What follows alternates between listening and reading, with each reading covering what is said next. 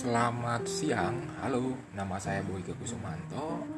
Aktivitas saya sehari-hari, saya adalah seorang SA and Investigative Interview Trainer, kemudian Career Counselor, konsultan pendamping UMKM, dan Military Tourism Enthusiast. Uh, di sini saya akan menjelaskan mengenai apa yang dimaksud dengan satu military tourism yang kedua, apa syarat-syaratnya ketika seseorang ingin menjadi military tourism enthusiast? Ketiga, mengapa military tourism enthusiast itu penting? Uh, berikutnya, negara mana saja yang sering membuat event military tourism? Apa saja tantangannya saat ini? Ketika kita ingin membuat military tourism dan yang terakhir bagaimana cara kita tetap mengenalkan military tourism saat pandemik. Baik, saya akan membahas satu persatu di sini. Uh, satu itu apa yang dimaksud dengan uh, military tourism. Military tourism di sini adalah kalangan pencipta wisata militer yang terdiri dari berbagai macam golongan. Mereka itu tidak harus e, berprofesi sebagai karyawan yang profesional di bidang pariwisata. Mereka boleh saja berasal dari berbagai macam kalangan, terutama masyarakat biasa yang mencintai dunia wisata maupun uh, militer apa pun boleh gitu. Contoh seperti saya saya memang mempunyai background wisata uh, dari akademi uh, pariwisata sebelumnya. Akan tetapi saya juga mencintai dunia militer.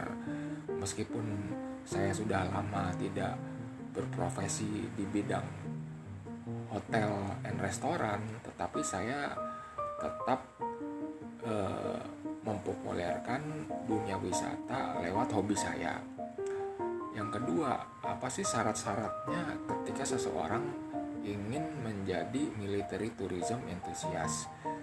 Uh, for telling you the truth, itu tidak ada syarat-syarat khusus ya. Apa pun, kalaupun mereka berasal dari background pariwisata, itu juga tidak masalah. Yang jelas, mereka adalah uh, menyukai perjalanan wisata dan senjata sebagai fan saja itu sudah cukup gitu. Mengapa uh, military tourism itu penting? Uh, karena military tourism ini kita sebagai warga negara yang baik mesti mengenal sejarah militer bangsanya ya guna membangkitkan jiwa kebangsaan dan patriotisme bangsa kita sendiri.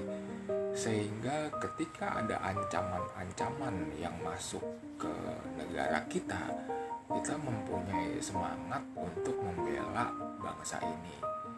Dan selalu mengingatkan kita dari mana kita berasal dan tentu saja memupuk rasa cinta tanah air yang terus menerus harus ada dalam diri kita sejak kita lahir. Oke, uh, negara mana saja sih yang sering membuat event military tourism itu? Beberapa negara yang saya kenal sering membuat event military tourism itu adalah satu Thailand ya.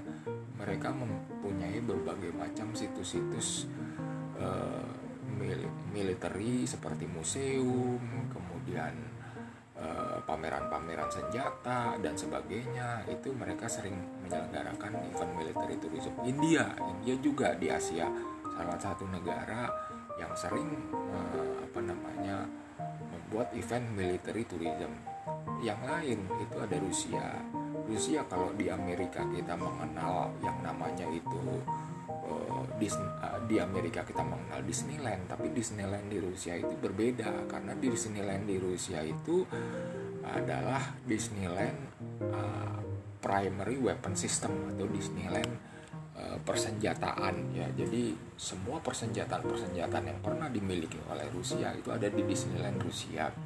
Uh, jadi di sini kita memperkenalkan suatu bentuk uh, Disneyland yang berbeda. Uh, kita temukan di Rusia. Mungkin kalau uh, Disneyland yang sama dengan di Amerika itu kayak uh, di Indonesia Dufan gitu. Itu seperti itu. Tapi Disneyland yang ada di Rusia itu adalah Disneyland Alutsista kemudian yang lain ada Israel. Israel juga negara yang memperkenalkan uh, wisata militer kepada pengunjungnya. Seperti kita tahu dalam hal senjata mereka uh, unggul ya dan punya berbagai macam senjata-senjata yang baik. Makanya mereka menggabungkan keunggulan senjata maupun keunggulan wisata ini dan dijual kepada publik. Uh, di Eropa Barat kita mengenal uh, tetangganya Spanyol. Siapa itu? Tentunya kalau kita sebagai Indonesia, orang Indonesia tidak pernah asing lagi dengan negara tetangga Spanyol itu siapa sih? Ah, Portugal. Di Portugal bahkan itu ada asosiasinya. Asosiasi asosial militer turismo Portugis. Nah, mereka itu adalah satu asosiasi yang mengatur bagaimana sih event-event militer itu. Itu diselenggarakan kemudian biayanya berapa cara promosinya juga bagaimana lalu dari kalangan mana itu sebaiknya uh, yang diundang kemudian riset-riset selalu dia di, dilakukan untuk me, menyasar kalangan-kalangan tertentu sehingga pasarnya bisa menjadi semakin banyak lagi. Lalu eh, tantangannya jelas banyak ya di sini karena belum banyak yang mengetahui apa yang dimaksud dengan military tourism entusias dan bagaimana prospeknya pula di masa depan. Tiga eh, tantangan tersebut adalah belum ada lembaga khusus yang mengurus mengenai ini. Dua perlu oh, pelatihan khusus untuk guide-nya. Yang C itu uh, yang ketiga itu institusi pendidikan belum ada yang memasukkan mata kuliah mengenai wisata militer. Nah, uh, yang terakhir itu tantangannya tentunya kita membahas mengenai pandemik ini ya yang uh, kita belum selesai bagaimana sih cara mengenalkan military tourism saat pandemik yang pertama bisa lewat medsos ya terutama Instagram sama seperti uh, asosiasi military tourism yang ada di Portugal mereka juga memperkenalkan ini lewat Instagram. Lalu kita perkenalkan dengan zoom zoom atau zoominar.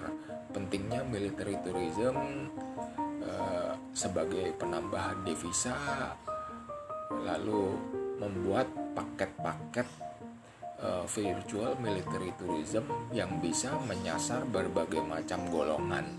Eh, paket-paket uh, itu bukan saja paket-paket yang sifatnya edukatif, tapi juga fun gitu dan ada berbagai macam permainan-permainan yang disajikan tersebut sehingga untuk kalangan millennials itu juga sudah uh, dibuatkan secara khusus.